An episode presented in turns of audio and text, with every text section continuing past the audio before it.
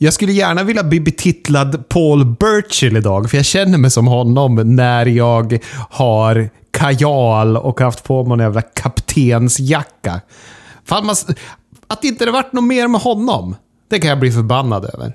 Jag kan vara otroligt glad över att det inte blev någonting mer över Paul Burchill. Jag tyckte det var en av de värsta karaktärerna i mannaminnet. Men jag, jag underhölls av bilden på dig Chris, iklädd piratkläder. Och att du hade skrivit, vad var din son ville bli hämtad av en pirat och då klädde du upp dig som en pirat, men såg ut som ett emo. Jajamän, det gjorde jag väl? Visst var det mycket emo?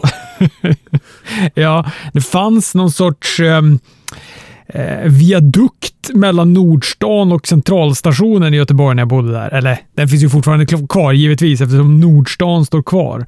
Men då hängde det alltid kids i liksom mynningen av den här viadukten och alla de såg ut som det gjorde på den där bilden. Skönt ändå att man kan göra det vid 42 års ålder.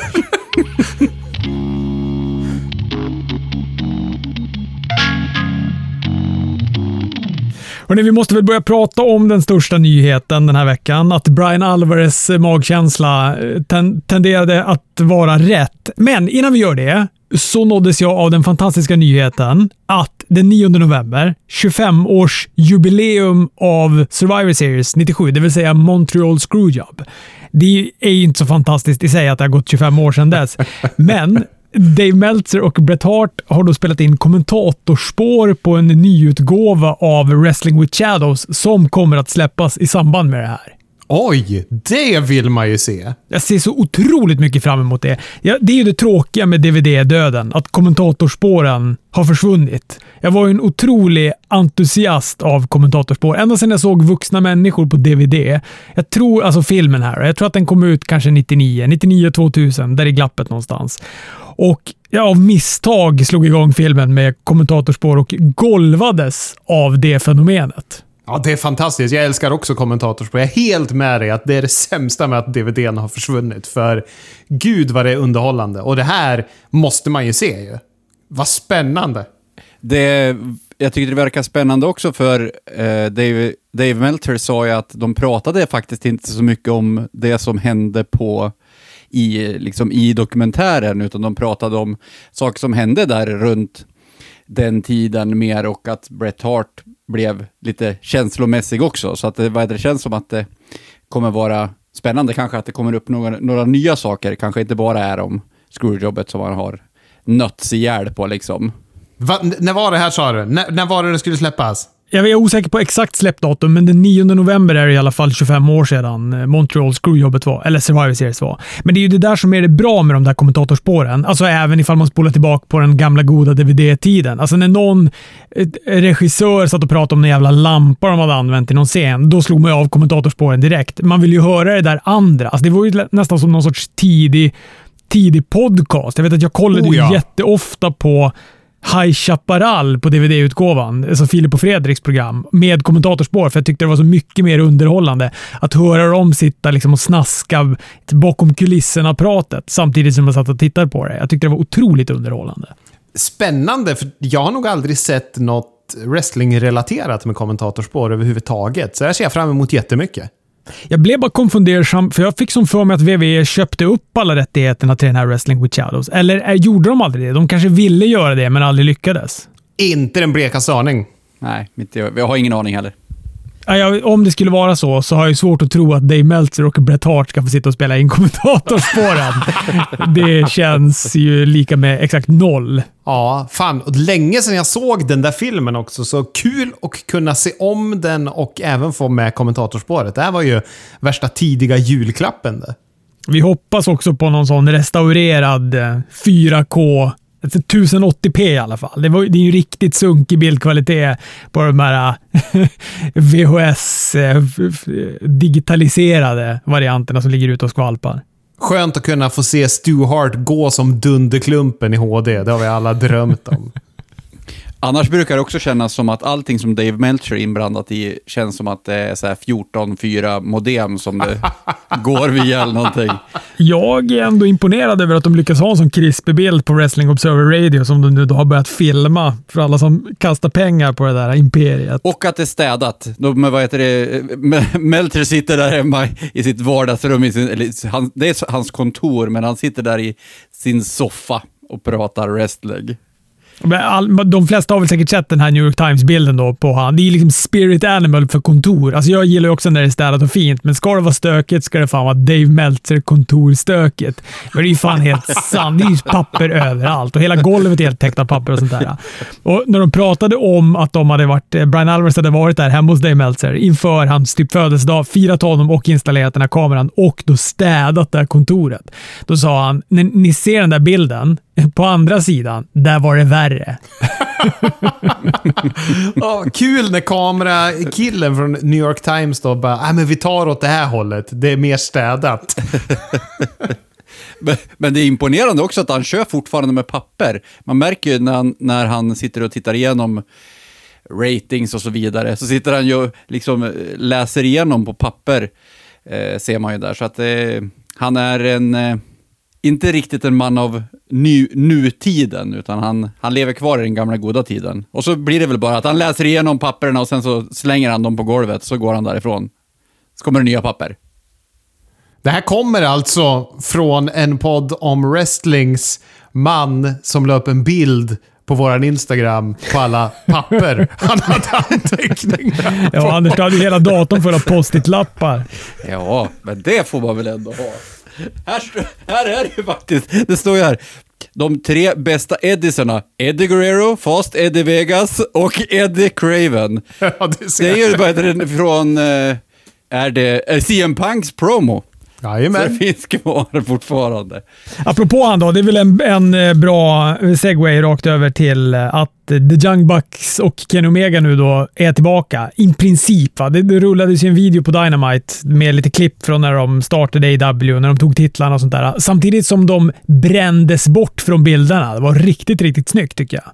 Ja, det var ju lite the snap ifrån Marvel-universet nästan. Det var superbra videopaket. Jag fick nästan lite rysning av det för att jag tyckte det var himla, himla bra. Och där det låg i programmet också. Det var alldeles innan en reklampaus. Fick man sitta och begrunda den där jävla videopaketet ett litet tag.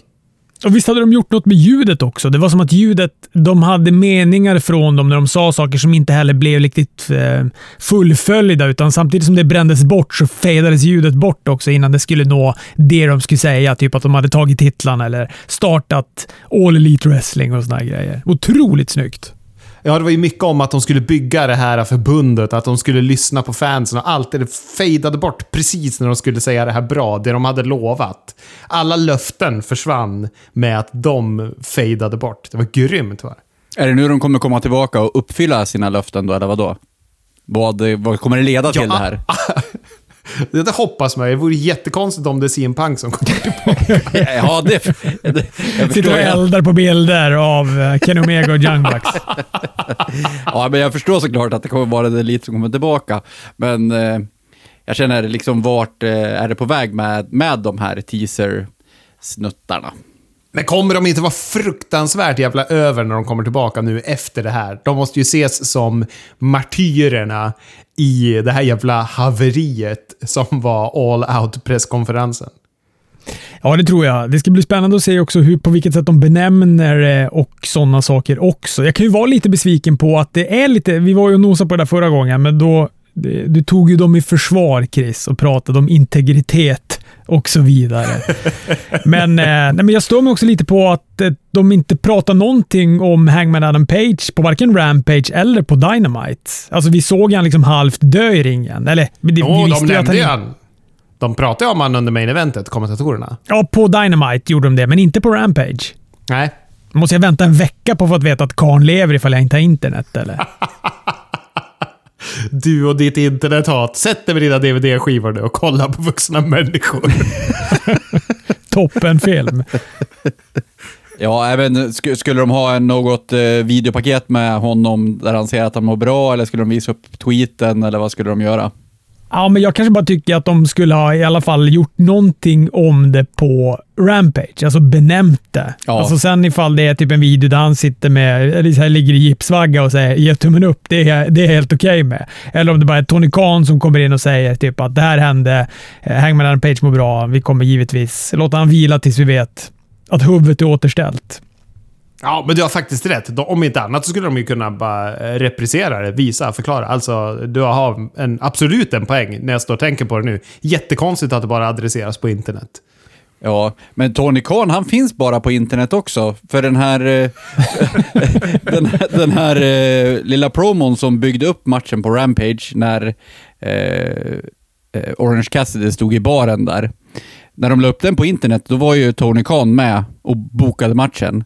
Men sen så när de skulle visa det på Rampage över hur den här matchen blev till, då hade de klippt precis innan Tony Khan kom in. Så att han existerar bara på nätet.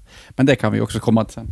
Han kanske har blivit lite senskygg sen all out-presskonferensen. Ja, men han har väl, in, han har väl inte visat sig på, på showerna eh, tidigare heller. Så att, det var väl bara när New Japan och han skakade hand. Men jag såg för övrigt att eh, han, Bandido, la ju upp en bild på när han kramar Tony Khan och skrev “The greatest day of my life”. ja, jag såg det.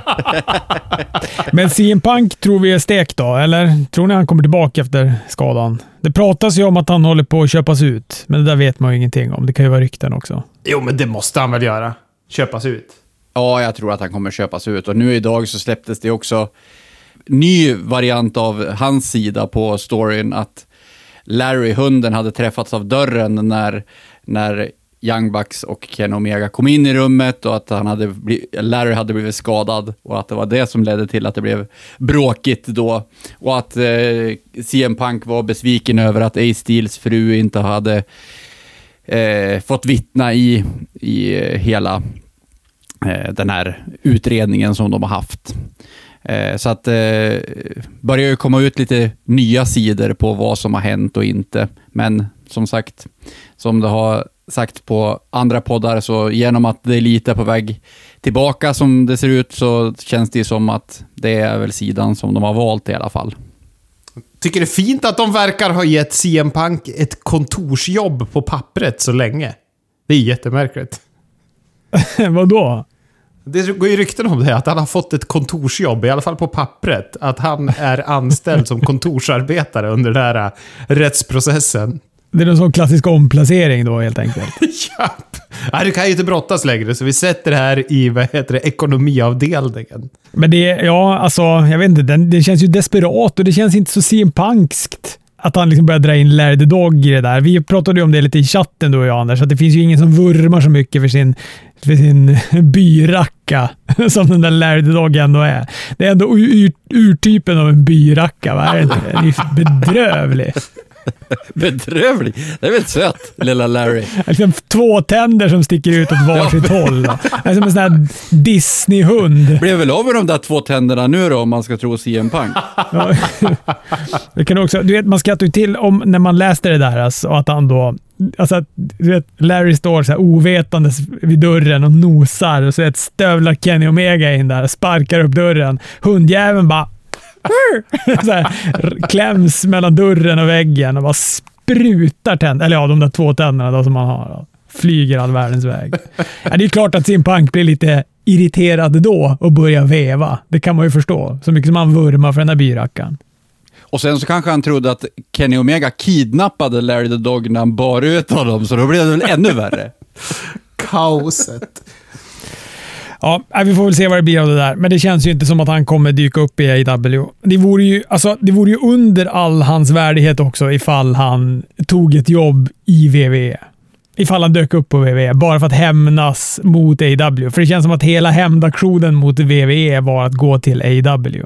Och han liksom så här, pratade så mycket skit om det och var så glad att ja, att eh, Tony Khan nu hade förvärvat Ring of Warner så att han hade allt material, allt, allt gammalt material med honom, att det inte hamnade i händerna på Vince McMahon och så vidare. Nu å andra sidan, Vince McMahon är ju borta, så att han är ju inte ett problem längre. Men Triple H och CM Punk har ju inte heller haft den bästa relationen, om man uttrycker det milt. Verkligen inte.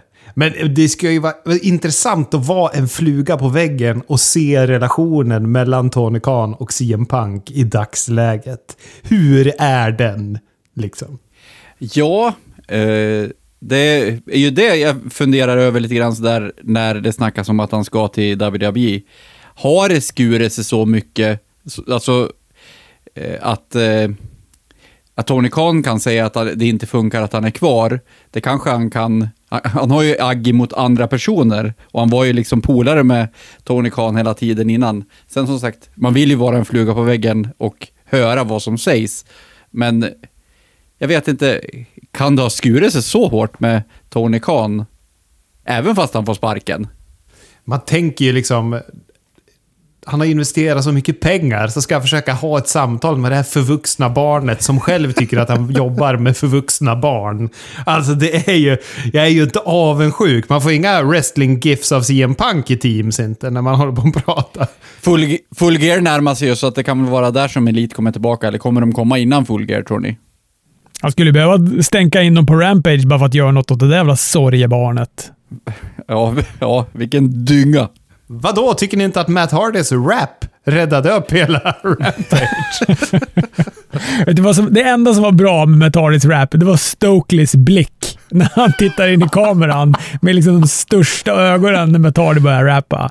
Om ni inte har sett det, spola för guds skull tillbaka dit och titta på det nu. Alltså jag kan vara tyst i tio sekunder bara så ni kan få göra det. Och sen kan ni fortsätta lyssna på podden, för det var fan oslagbart. Stokeleys blick är oslagbar. Jag är lite sur på att han inte äter fortfarande. Den gimmicken tyckte jag var rolig.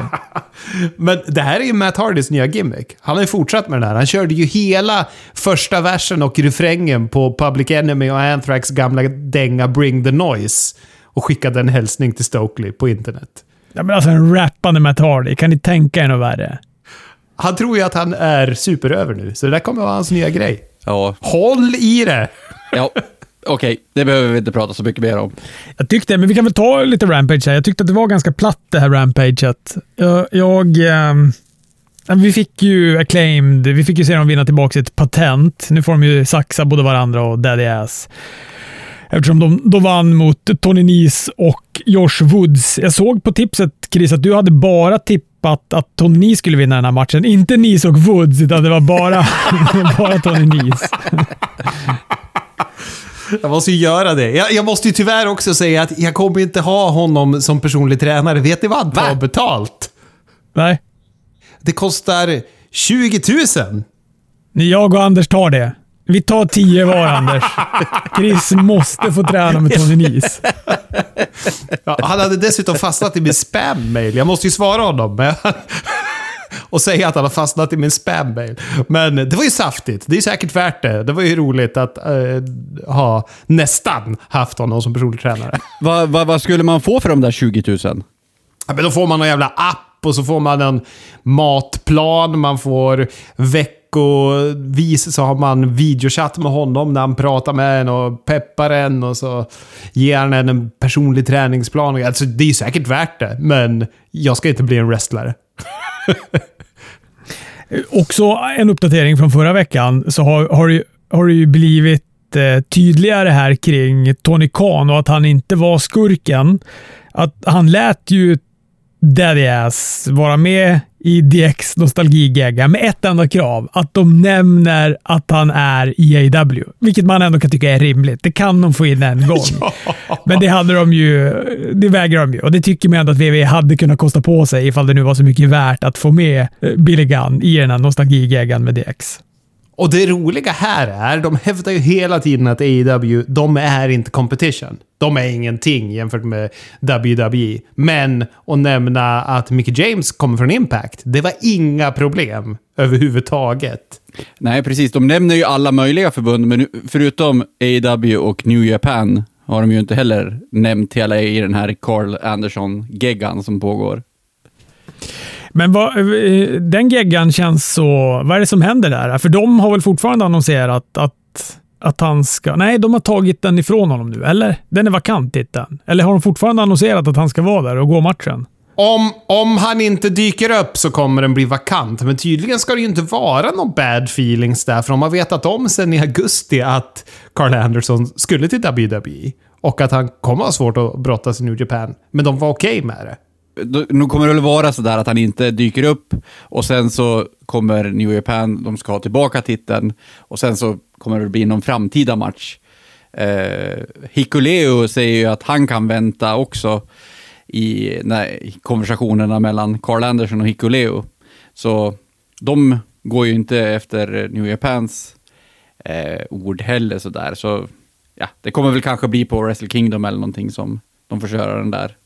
De ska ju inte ha Day One heller nu i WWE, så att det är väl kanske ledigt där kring, kring nyår. Alltså Hikuleum mot Carl Anderson. Jag är ju glad om jag slipper den matchen. Helvete! Eh, Vi fick se Hook strypa ut Ari Davari, som hade med sig sin butler men inga andra. Har de där andra tagit vägen? Vet vi det? Nej, men hellre, vem, hellre den jävla Slim J eller vad han hette, den där butlern. Butlern är ju sämst. Anders har påpekat det här förut och jag är så otroligt med på det tåget. Det är för många jävla assistenter och jävelskap. Den här butlern, bidrar ju inte till någonting. Nej, assistent, assistenten i, i den här La Faccionen börjar bli lite menig känner jag också, nu när Andrade är borta. Eh, det känns som att allt har blivit så udda när Andrade har försvunnit där. Rouge är lite lost och så assistenten, han ska ju inte heller vara med Rouge på samma sätt. Ja, ja. Men Rush har ju världens största live-garderob. Han kom in med en jävla minotaurhuvud och päls och grejer. Ja, den är toppen. Nästa gång hoppas jag att han kommer in i en hästkropp. Han värsta kentauren. Men jag tycker att de skulle behöva gasa på lite med Hook. Alltså det är... Du vet, han gör fortfarande samma grej och absolut, så här, publiken gillar honom och sånt där, men han har ju ändå tappat ganska mycket momentum jämfört med vad han hade. Och jag tror att det är för att de bromsade han så himla mycket. De skyndade lite för långsamt. Och han är bara på Rampage och han möter bara jobbers, som sagt. Han har väl haft en pay per view match typ. Ja, mot typ QT Mars eller vad fan det nu var han gick mot då. japp. Han, har- han, han mött, har väl eh, klott Ricky Starks någon gång också? Ja, det var ju så han fick FTW-titeln. Ja, det var så han fick titeln, ja. Just det. Men sen, ja precis, sen har han kanske inte haft någon ytterligare stor match. Nej, och- det är absolut, han har ju en titel i alla fall. Det är väl någonting. Å andra sidan, vem har inte en titel i AEW? Ju liksom större prestation att inte ha en titel i det där förbundet. Willow Nightingale gick match mot Leila Gray istället för Penelope Ford. Hon, hon var skadad, eller? Hon var adresserad, men dök inte upp. Mm, ja, skadad tror jag, eller? Aj då, igen. Jag tror att det hade varit mer fördelaktigt för Willow Nightingale att gå en match mot Penelope Ford. Den här Leila Gray är... Ja, hon är grå, ja precis. Men Willow Nightingale var all elite i alla fall efter det här. Hon har signat kontrakt. Ah, kul. Jätteroligt. Ja, det är kul. Det var en helt okej match. Jag tror att den hade varit mycket bättre med Penelope Ford. Helt klart. Och sen så satte Jade sig i ringen. Hon skulle ju sitta där till Nyla Rose lämnade tillbaka hennes TBS-titel. Där hade hon ju också varit väldigt tydlig med innan att hon kommer göra. Så det visste vi alla om. Nyla Rose och Vicky Guerrero, de dyker ju upp då på någon sorts stor bild. Visar att de har snott Jade Cargiels bil och kör iväg med den. Och eh, Jade säger igen då, jag går ingenstans förrän jag får tillbaka min bil och min titel. Sätter sig ner i ringen. Det tar liksom 30 sekunder innan det börjar komma in vakter som hon då klappar till samtidigt som hon stövlar ut ur ringen och går därifrån. Det var en sån fruktansvärt kort strejk det där. Ja, det var bedrövligt. Alltså, hela den där storyn kan de bara sluta med den. Men det får ju inte Jade att se särskilt bra ut heller. Nej, det är bara det där är fan sämsta faden de har i AEW nu. Och och det är svårt också med Jade för att hon kan ju, eh, dels genom att hon är grön och dels genom att hon ska behålla sin streak eh, pågående, så kan hon ju inte möta sådana som är för bra som de vill hålla stark heller på något sätt. Så att hon fastnar ju lite grann i ett tak där att hon ska fejda emot sådana som är alldeles under toppskiktet liksom. Ja, verkligen. De har målat in sitt hörn med henne nu. De, de måste ju hela tiden ta in nya namn för henne att slakta, likt man gjorde med Hogan i både WWE och WCW. Liksom. Men den brunnen kommer ju ta slut snart. Ja, de har väl börjat snurra på samma namn igen. Jag tror hon har väl spöat Nyla Rose några gånger tidigare också. Det har hon säkert. Willow Nightingale har hon spöat tre gånger eller någonting. Japp.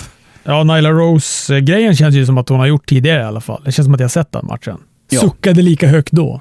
Men det är det jag känner med det här. Ja, just main eventet var ju då Orange Cassidy. Han behöll sin Atlanten-titel i en three-way mot Rouge och Ten, som först då bara var tänkt att vara Rouge mot Ten. Kära värld. Alltså han måste gaska upp Rampage. Det, det, att det är live räddar det inte. Han måste också boka det som att det är live och mycket, mycket mer sexigt än vad det, än vad det här är i alla fall. Ja, verkligen. Ja, och sen så tycker jag att det, eh, alla deras mästare känns som att de är korkade. De, det, det är ingen så här jakt efter titeln, utan alla mästare eh, går själva och utmanar personer. Orange Cassidy, han dyker upp och bara vad heter det, ska ha matcher mot alla hela tiden. Och det är på hans bevåg. Det är ingen som liksom söker en match med honom. Eh, Chris Jericho ska möta vem som helst nästa vecka också. Och det var nog ytterligare, ja, Tony Storm, vi kommer ju komma till Dynamite sen, men som sagt, hon klampar ju också bara ut och det är hon som utmanar eh, en annan för att ha en titelmatch liksom. Varför är Men det ingen- Jericho, ska det verkligen vara om bältet? Är inte det bara att han ska möta en gammal mästare? Är inte det att han ska döda alla från Ring of Honor? Men det kanske var en titelmatch också. Jag tror att det är en titelmatch också. Men eh, ja, vi kommer komma dit. Men jag tycker att det ser lite korkat ut att, att eh, mästarna hela tiden som, eller inte korkat och korkat, men, men att det måste väl alla, i alla fall vara någon jakt efter titlarna. Men nu så är alla mästare bara så att de ska komma och ge chanser hela tiden. Det är bara acclaimed som sköter sig. Ja, men nästan så.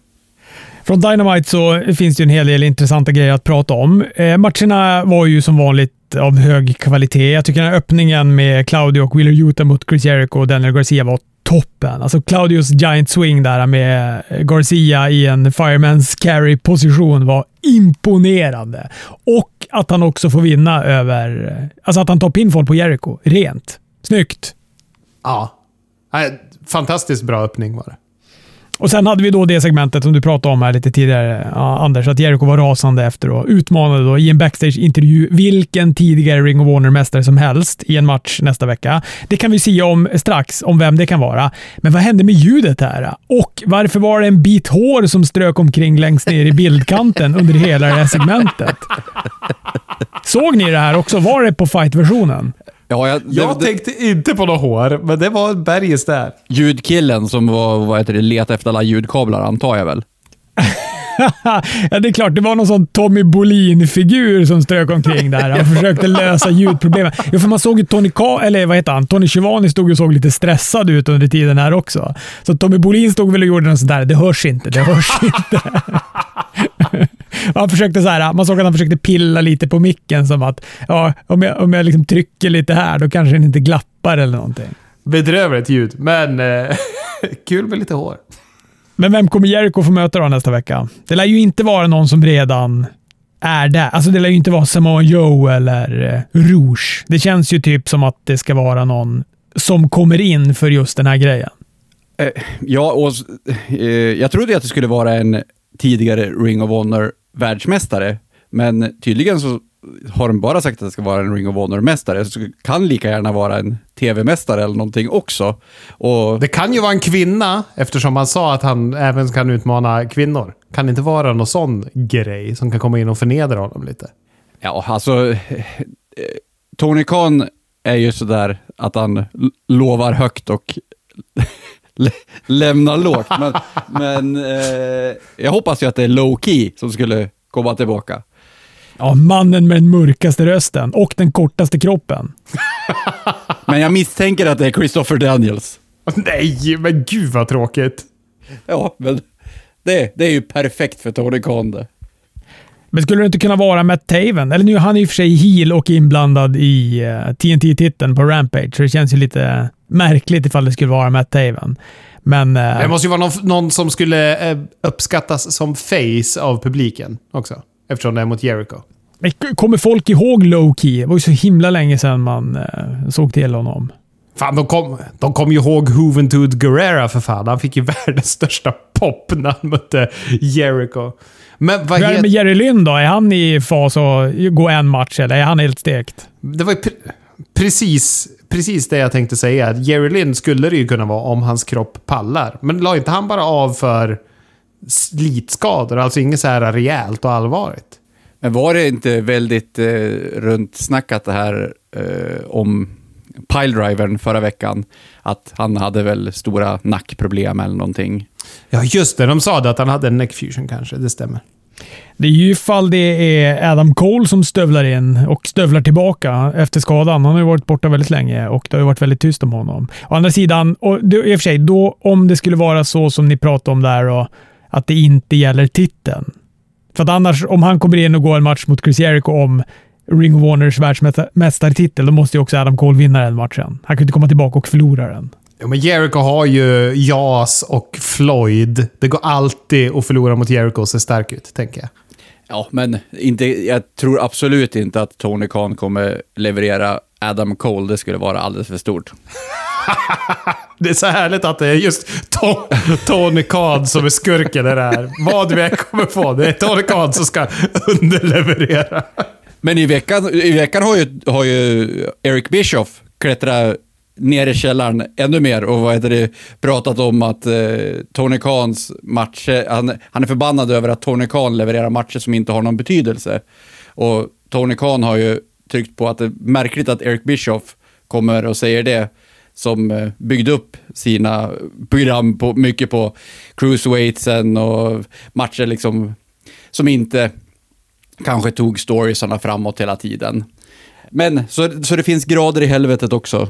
Eh, Eric Bischoff ligger längre ner på ogilla-listan. Jag hoppas att han ska komma tillbaka och vara manager åt Tony Nese. Då är jag i lycka. Swerve in Our Glory vann över FTR och är nu då första utmanare till Acclaims titlar. Jag tyckte att det var en underhållande match, även om den var lite stökig stundtals. Det var väl Keith Lee mest som hade uppförsbacke under den här matchen. Ja, det hade han.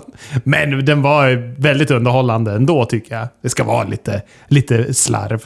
Det kan få vara lite rufft i kanten. Jag gillade också att publiken var så jävla på tårna under den här matchen. Och Jag tycker också att det var bra att eh, Swerve och Glory vann. Det här pratade vi väl om lite förra veckan, att det känns ju alldeles för kort att matcha Acclaim mot FTR nu eftersom FTR ändå måste ta de där titlarna. Det är ju det som ja, det är, ju, det är ju dit vägen leder. Så nu kan ju då Ja, men nu kan de gå ett program mot Ass Boys. De var lite inblandade i avslutet här. FTR alltså. Då. Och uh, Acclaimed går då ett program med Swerve och company igen. Så förhåller vi lite tid.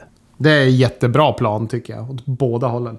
Det skulle, ju, det skulle kunna vara att det blir en eh, fyrvägsmatch också på full gear av det här. Ja, det är smart du, Anders. Ja, men jag satt och funderade på om det skulle vara två tagmatcher, eh, att FTR skulle ha en match mot mot eh, boysen då. Och att det skulle vara den där titelmatchen. Men det kändes som att det kanske inte eh, funkade riktigt. Bara för att de kommer ju även ha tre stycken dammatcher känns det som på full gear. När de har Tony Storm mot Jamie Hater och de har Britt Baker mot Soraya och sen så ska väl även eh, Jade Cargill möta Nyla Rose kanske. De måste väl få börja annonsa lite matcher för Full Gear. Det är ju bara en match än så länge, nog för att det är ju en halv månad bort, men AW brukar ju ändå vara sådär att de vill ha lite matcher klara några veckor innan.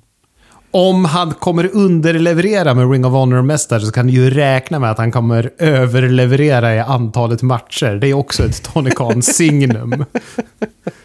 ja, i och för sig. Det kan vara 14 matcher.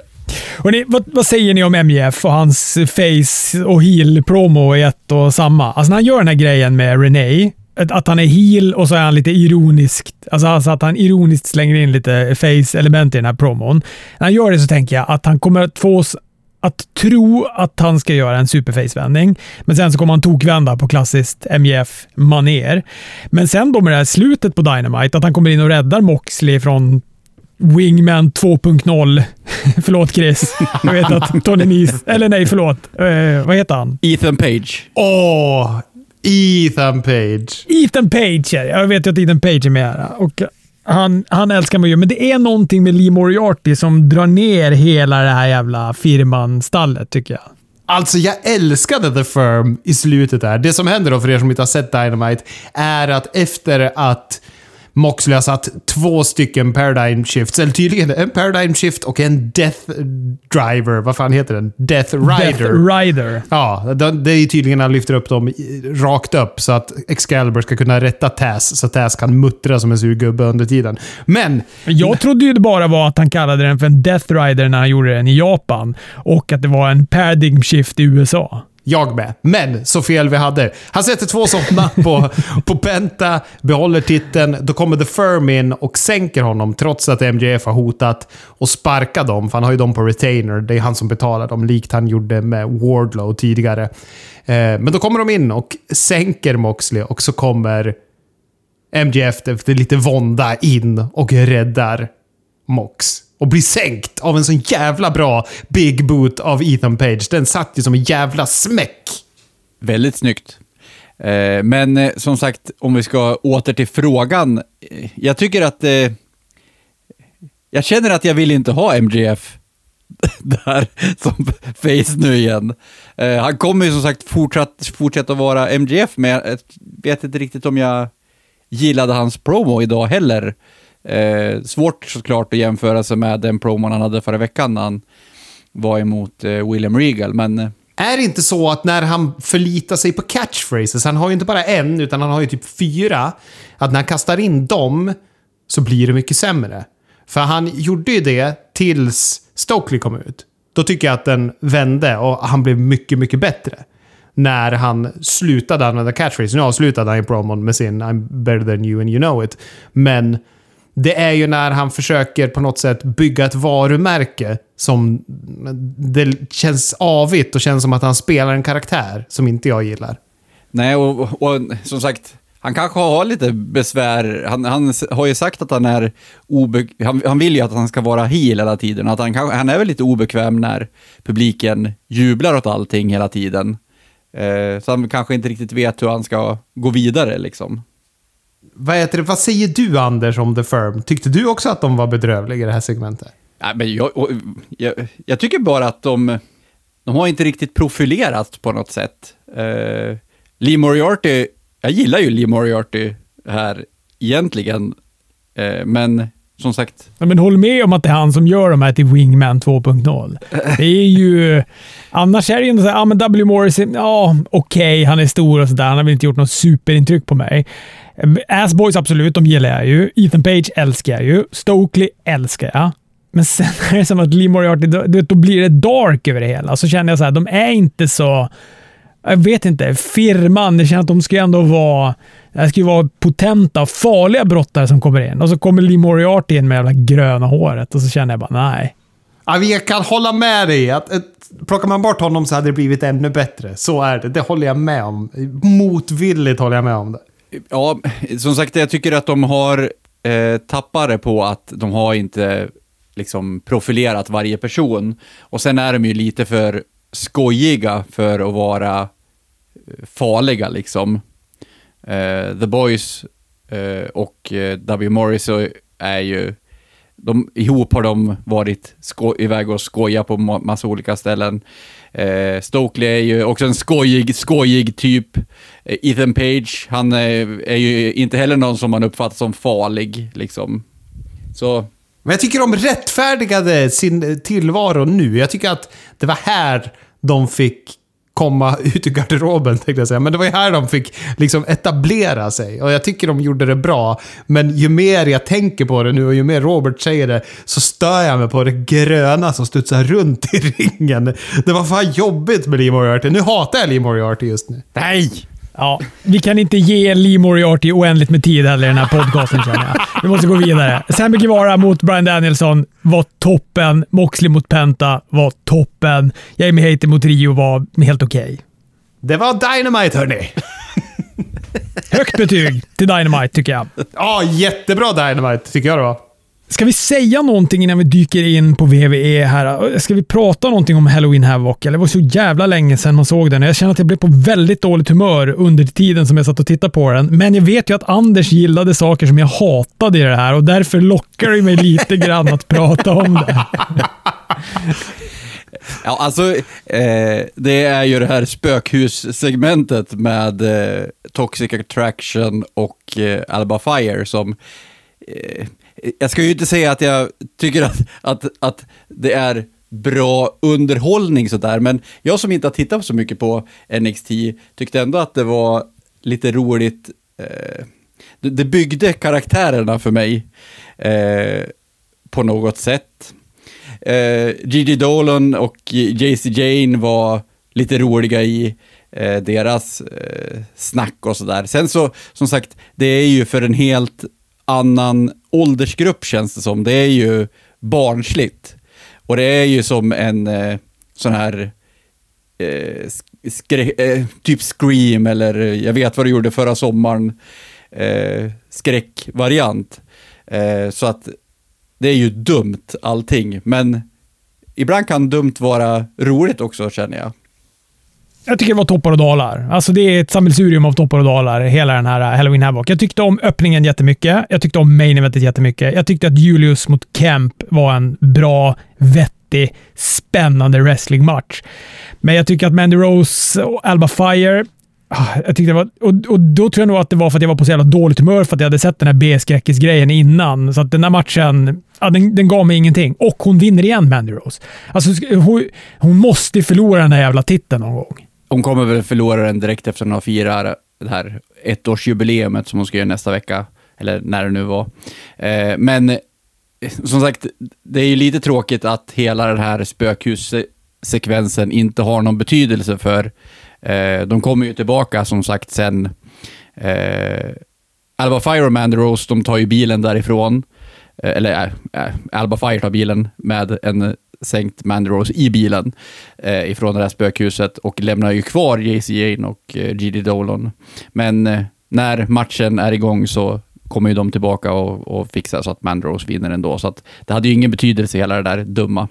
Eh, men som sagt, eh, Julius Creed, Damon Kemp-matchen tyckte jag var, den var ju toppen. Jag tyckte den hade fina, eh, fina sekvenser i sig. Den var ju röjig som, eh, som satan och jag tyckte det var snyggt när Julius Creed eh, undvek att dörren stängdes genom att stoppa fingrarna i dörren när Damon Kemp eh, sopade igen. Vet ni förresten vem eh, Damon Kemps bror är? Nej. Gable Stevenson. Ja, ah, det kunde man ju gissa. Jag tyckte att han hade lite sådana... Alltså att han... Ja, jag förstår det. jag hade inte gissat det, men han såg ju ut som att han skulle kunna kom, gått i samma klass som han. Ja, ja de, de är bröder i alla fall. Men jag tycker att Damon Kemp, han har något eh, sådär... Eh, det, eh, det-faktor i utseendet också tycker jag. Eh, i det här videopaketet innan så, så, så kände jag verkligen att han... Eh, det är någonting speciellt som han har, så jag tror att han kommer bli något stort.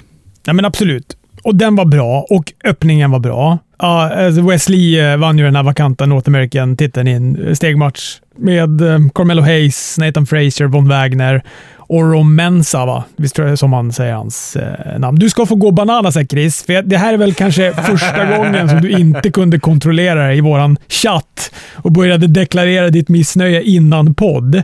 Men jag vill bara säga att jag tycker att det var bra att de satte titeln på Wesley istället för att eh, sätta den på Carmelo Hayes igen. Det känns som att det var egentligen det självklara valet, att han skulle få ta tillbaka titeln här.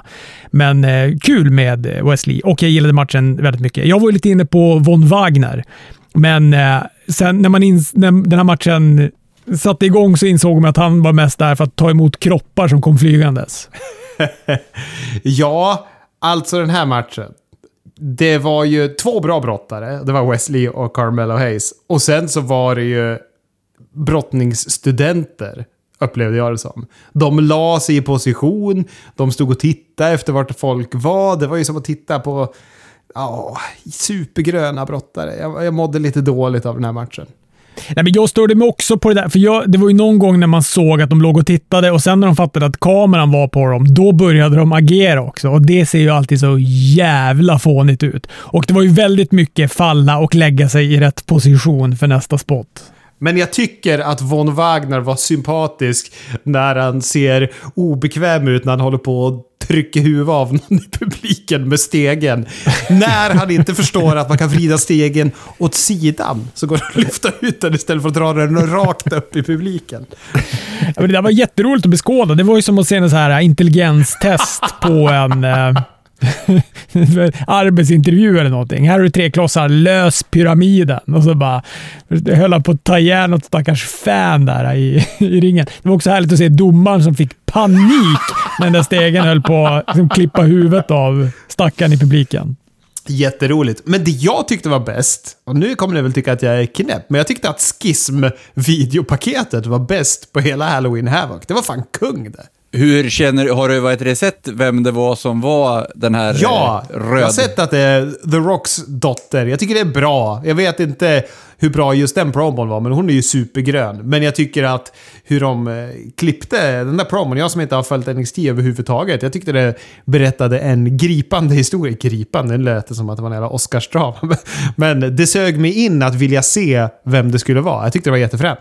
Det, vi får väl se vart det, vart det landar. Eh, men eh, övertygande tycker jag inte att eh, starten var så, men som sagt, hon är, hon, hon är ju grön. Vi får, får se om hon kan leva upp till någon, någonting i, i hennes legacy i alla fall. Sen så tyckte jag det var lite konstigt också att, som sagt, nu har eh, de presenterat henne som ledare och sen, som sagt, kommer det något nytt nu. Eh, scripts Eh, på, på den senaste här så var, hade de fått något telefonmeddelande, WWE Performance Center, ifrån någon som presenterade sig som script, som pratar i gåtor. Så det känns som att nu har de liksom löst hela den här schismgrejen. Så nu slänger de på en ny eh, Bray Wyatt eh, lookalike eh, angle. Ja, den var ju lite... Um den kändes också lite som Retribution, uh, i lindan av Retribution. Ja, men precis. Apropå Retribution, Tibor, eller... Ja, just det. Dajakovic. Ja, precis. Han kommer ju tillbaka också vad det verkar. Ja, det var någon vignett han eldade upp sin Retribution-mask. Nu ska han restaureras. Jag tror banne mig han kommer få en ganska bra push på main roster sen när han, eh, när han väl är restaurerad. Eh, Triple H är hög på Dajakovic och han är inte glad över vad Barba-pappa gjorde med, med honom. nej. Eh, det var, och som sagt, vi, vi, pratade tidigare om, eller Robert sa att det var skönt att de satte titeln på Wesley eh, istället för Carmelo Hayes. Carmelo Hayes är väl en annan som är eh, Triple H och eh, Shawn Michaels eh, stämplad, så han kan väl vara eh, på väg upp kan man väl anta. Eh, det kändes väl som att det skulle finnas en plats tillsammans med eh, hit row emot eh, Legado nu på fredag, så vi får väl se om kanske det kan vara Carmelo som kommer. Hörrni, vi, vi ska gå till Smackdown, men vi kan väl bara se, jag måste också bara få nämna den här jävla Apollo mot Grayson Waller-matchen. Kistmatch där Grayson kastade ner Apollo i en kista, men vann inte. Utan istället så släcker de ner och så kommer den någon tjommar med ny med så kåpa och en ny kista och så bara fortsätter den här matchen. Det är så jävla dumt. Jag var arg i två dagar. Jag var arg i två dagar av den jävla matchen. Det var så fruktansvärt dumt alltså. Jag blir sällan arg, men jag kommer ihåg att jag stod och borstade tänderna och bara tänkte på den där. Och så var jag arg, så blev jag arg på Dusty Rhodes när jag stod och borstade tänderna.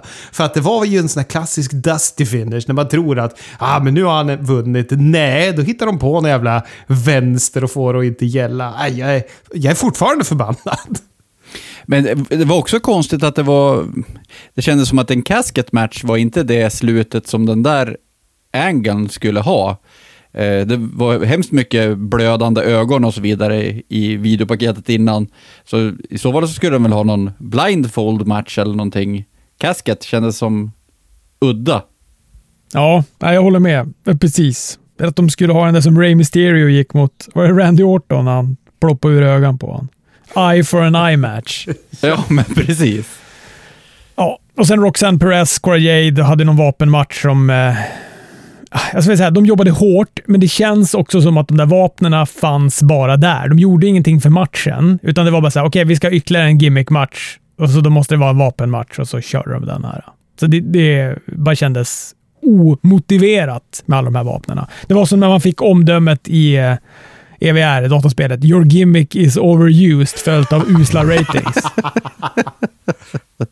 Ja, men det var väl eh, hela det här eh, eh, pay-per-viewt, eller PL1 var väl lite så. Eh, lika som Extreme Rules. De har gimmicks överallt.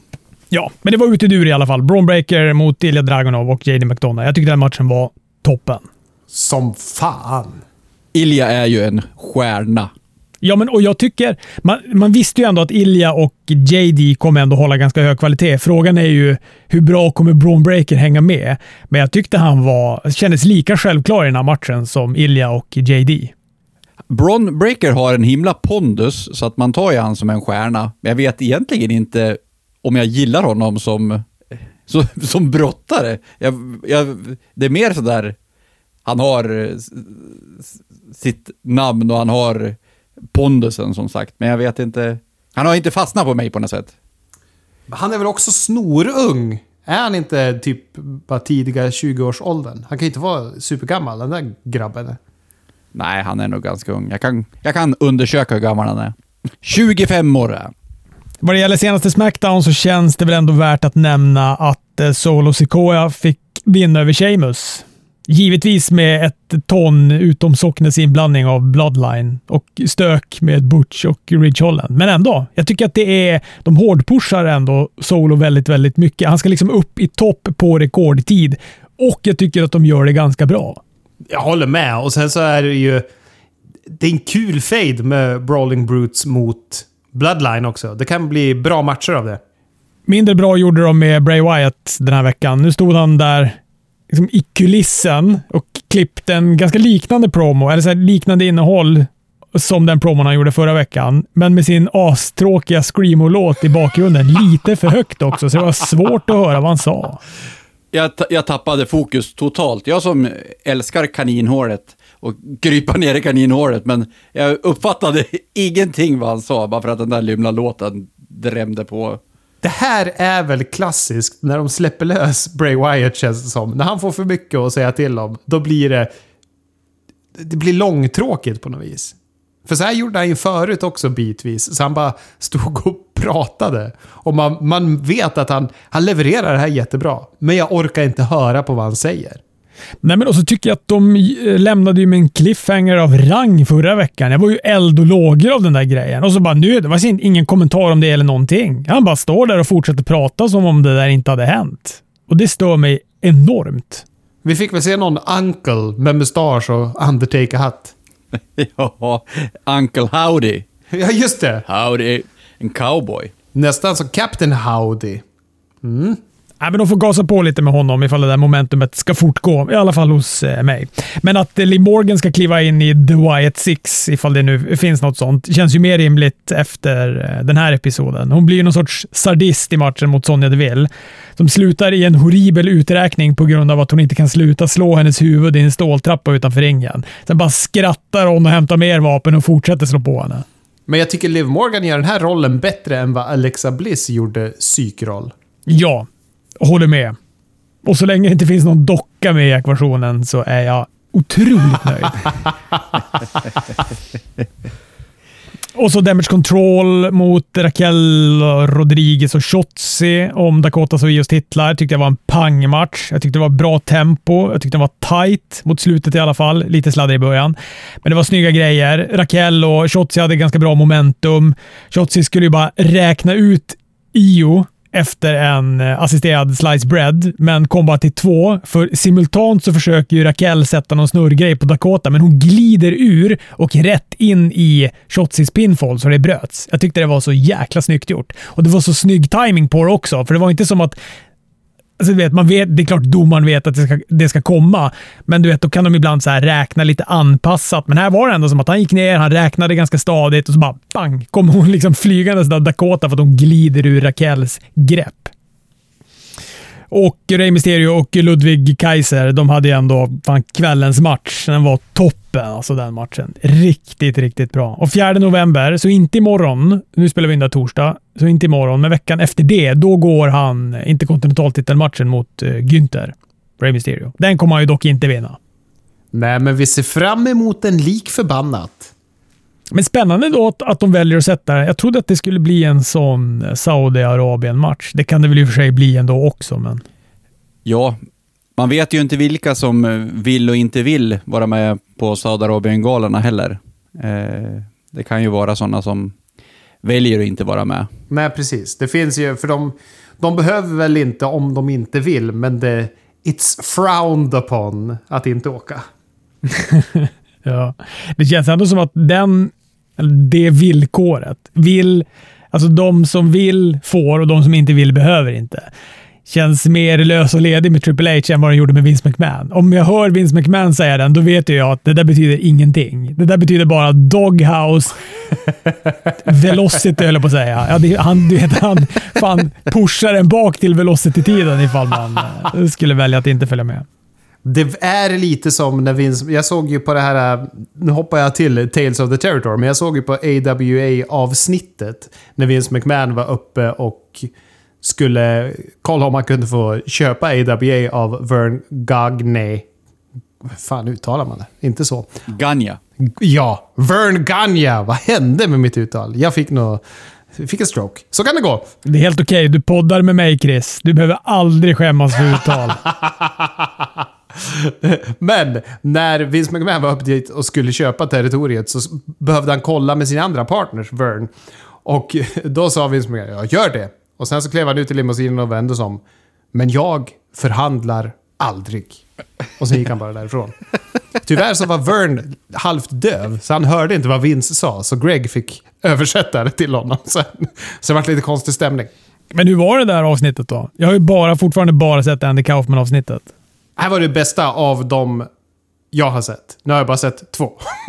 Men det var ju eh, Ken Patera, det var eh, Diamond Dallas Page, det var Jim Brunzell, det var Medusa och det var Greg Gagne. Kolla, jag kan inte uttala efter. Jag har fått en stroke. och vad heter det? De, de pratade väldigt mycket om Mad Dog-version också. Oh, eh, gud, ja. I det här avsnittet. Han verkar ju vara totalt galen, så det var riktigt roligt på så sätt. Ja, men visst verkade de ha mysig stämning. Alltså, de satt ju och skrattade och de kollade ju varandras bullshit i, i den här. För det finns ju den här berömda när Ken Patera kastade en sten genom ett fönster på McDonalds för att han hade hunger mitt i natten. Sen så kommer polisen och arresterar honom och Massa Saito och de åker i finkan. Men när Ken sitter och berättar det här och säger att det är en 19-årig tanig grabb som kommer och är arg för att han har fått sparken på McDonalds och det är han som kastar den stora tunga stenen i fönstret, det är inte Ken Patera. Så sitter ju alla och säger bara “Du ljuger ju!” “Nej! Fuck you!” och han blir förbannad. Och de sitter bara och skrattar. Jag tycker det var jättehärligt och roligt och att de filmatiserar som att allt som den här ljugfarbrorn säger är sant. Att han staplar poliser på varandra och bryter benet på en polis som heter John Dillinger det är konstigt, men han var trevlig. det var ett väldigt roligt avsnitt. Men visst är det bara du, Chris, Anders och en till som tittar på det där? Det har väl usla tittarsiffror? ja, tyvärr har det ju det. Det är så jävla mysig stund att sitta med de här på ljugarbänken. Precis. Det, det, det avsnittet om i WA, det var ju på mitt i Tuesday Night Wars-kvällen, eh, så att det hade 75 000 tittare eller någonting. Men de var över 100 000 tittare den här veckan igen. Men som sagt, det har inte några maffiga siffror, det har inte. Och den här veckan vill jag ju se också, då är det ju Florida va? När det är Kevin Sullivan i sitt sataniska esse. Jag är så jävla taggad på det avsnittet. Ja. Apropå galen. Raw hade några grejer som jag gillade extra mycket, framförallt i startsegmentet. Allt med eh, Dominic var fantastiskt. Alltså jag älskar ju att de också försöker piska upp den här stämningen varje gång nu han ska prata. Så vi ska få den där effektfulla väggen av burop när han öppnar käftamentet. Jag är helt på din sida Chris med att Dominic är en jävla stjärna. Ja, det är ju sån, eh, det är så här otroligt bra hetta på honom, för folk hatar honom så mycket. Det är så härligt. De kommer kunna göra så bra saker när han får vinna matcher över folk som han inte ska vinna över. Det kommer vara så jävla underbart. Sen är jag också helt på banan med eh, Rhea Ripley-prylen. Att de China-ifierar henne. Det börjar ju med att eh, Carl Anderson och Finn Balor går en match ganska lång match, men den var bra. Jag gillade den. Massa utomsocknesinblandning även här. Det är ju 36 brottare runt ringen, varav den mest oväntade är när Rhea Ripley då skickar Luke Gallows in i ringstolpen, sen plockar upp han helt obesvärad i en rejäl bodyslam. Och och eh, eh, folk blir ju helt till sig ringside. Jag bara du vet, får lite puls och tycker att det här är svinkul. Sen glider hon in, sätter en näve mellan benen på Carl Anderson och eh, Finn Balor vinner. Så det där kommer väl då bli hennes nya gimmick, att det är hon som nu kommer börja vinna deras matcher. Det är kung.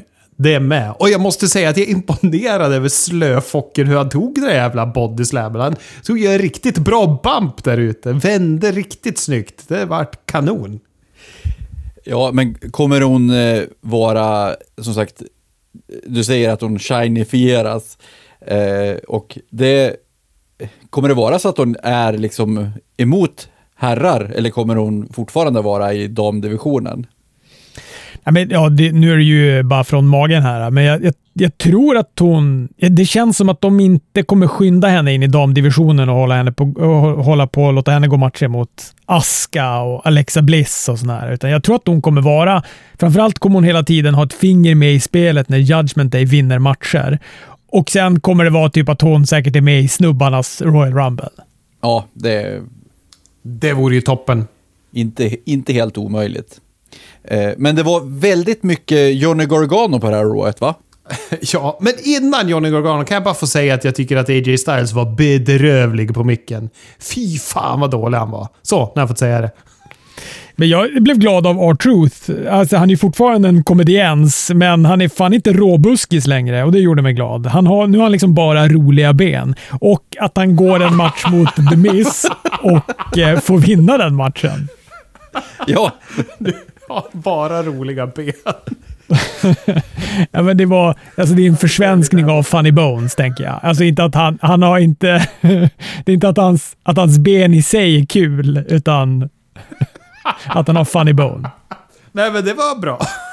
Men alltså det är också, jag vet, jag kanske är o, omotiverat jätteentusiastisk entusiastisk över den här, men, men det är också att han, man vet ju att på, AAA, eller på Vince McMahon-tiden så hade han ju blivit förnedrad och 24-7-titeln hade varit med. Han hade haft 16 brottare hack i häl direkt efter matchen. Han hade fått springa och göra de här liksom klacksparkarna och skit. Nu får han ändå vara bara liksom R-Truth, vara kul och gå en match och han får vinna. Jag, jag gillade det. Han dök ju upp på NXT också på veckoshowen där. Vi ska inte prata om den för vi har verkligen inte tid med det. Men, eh, men gjorde typ samma grej och var kul. Ja, vad, vad bra. Jag tror dock att för honom själv så var 24-7-tiden en career highlight, känns det som. Ja, det tror nog jag också. Eh, men som sagt, mycket eh, Johnny Gargano känner jag... Jag gillar ju Johnny Gargano, men han var... Dels att han var överallt, men sen så var han ju så dum också, för efter när Candice hade fått stryk backstage så skulle han, åh, jag måste, måste stressa dit, men han blev liksom distraherad av att han skulle eh, picka en fight med JBL och eh, Happy, eller Baron Corbin heter han ju nu. Han heter inte Happy Corbin längre, utan de har ju döpt om honom till Baron Corbin nu. Eh, och de, de, de använder för få personer för att ha så många personer på det här rået, kände jag. Jajamän, så är det jämnt med Raw tycker jag. Men jag märker att det är en röd tråd. Den här veckan så tycker jag att många personer är väldigt dumma. Det är mästare, det är domare, det är garganos. Det är må många dumma människor. Jag är omgiven av idioter. jag stör mig mest på att han har en Playmobil-frilla. Han har en jätteful frilla, Johnny Gargano, vilket jag stör mig på.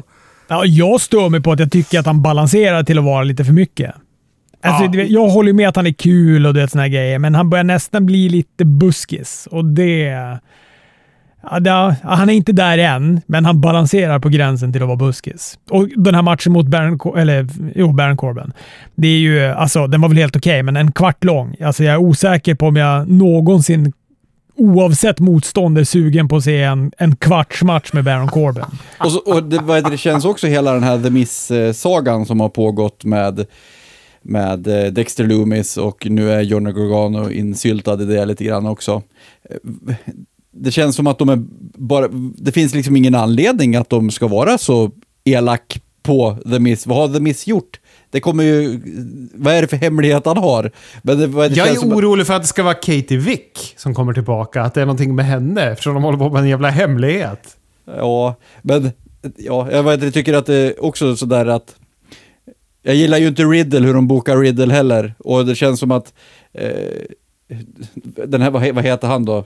Den andra idioten som var med Happy Corbin för som är på Smackdown ibland. Madcap Moss. Ja, precis. Han. Han är också vad heter det, en mobbare och ska vara face.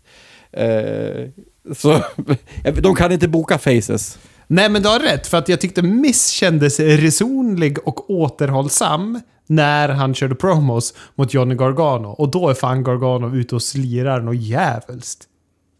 Main eventet tyckte jag var toppen i alla fall. Bailey mot Bianca. 25 minuter lång. Det var fan inte en tråkig minut i den här matchen. Jag tyckte den var toppen. I slutet kanske var lite sisådär. Nicky Cross kommer tillbaka som Nicky Cross. Gjorde en high cross body på alla, inklusive domaren, utanför ringen. Sen in i ringen så tar hon ut Bianca så att Bailey kan vinna matchen. Sen hoppar hon på Bailey också och tar ut henne. Så att hon är ju då någon sorts vilding igen. Fast hon är lite för polerad. Vi ska inte, man, man ska inte prata om folks utseende, men jag gillade ju Nicky Cross i NXT mer när hon verkligen ser ut som en vilding också. Här var hon Ja. liksom lite för, Stylad. ja precis, lite för stylad för att vara en, en vilding.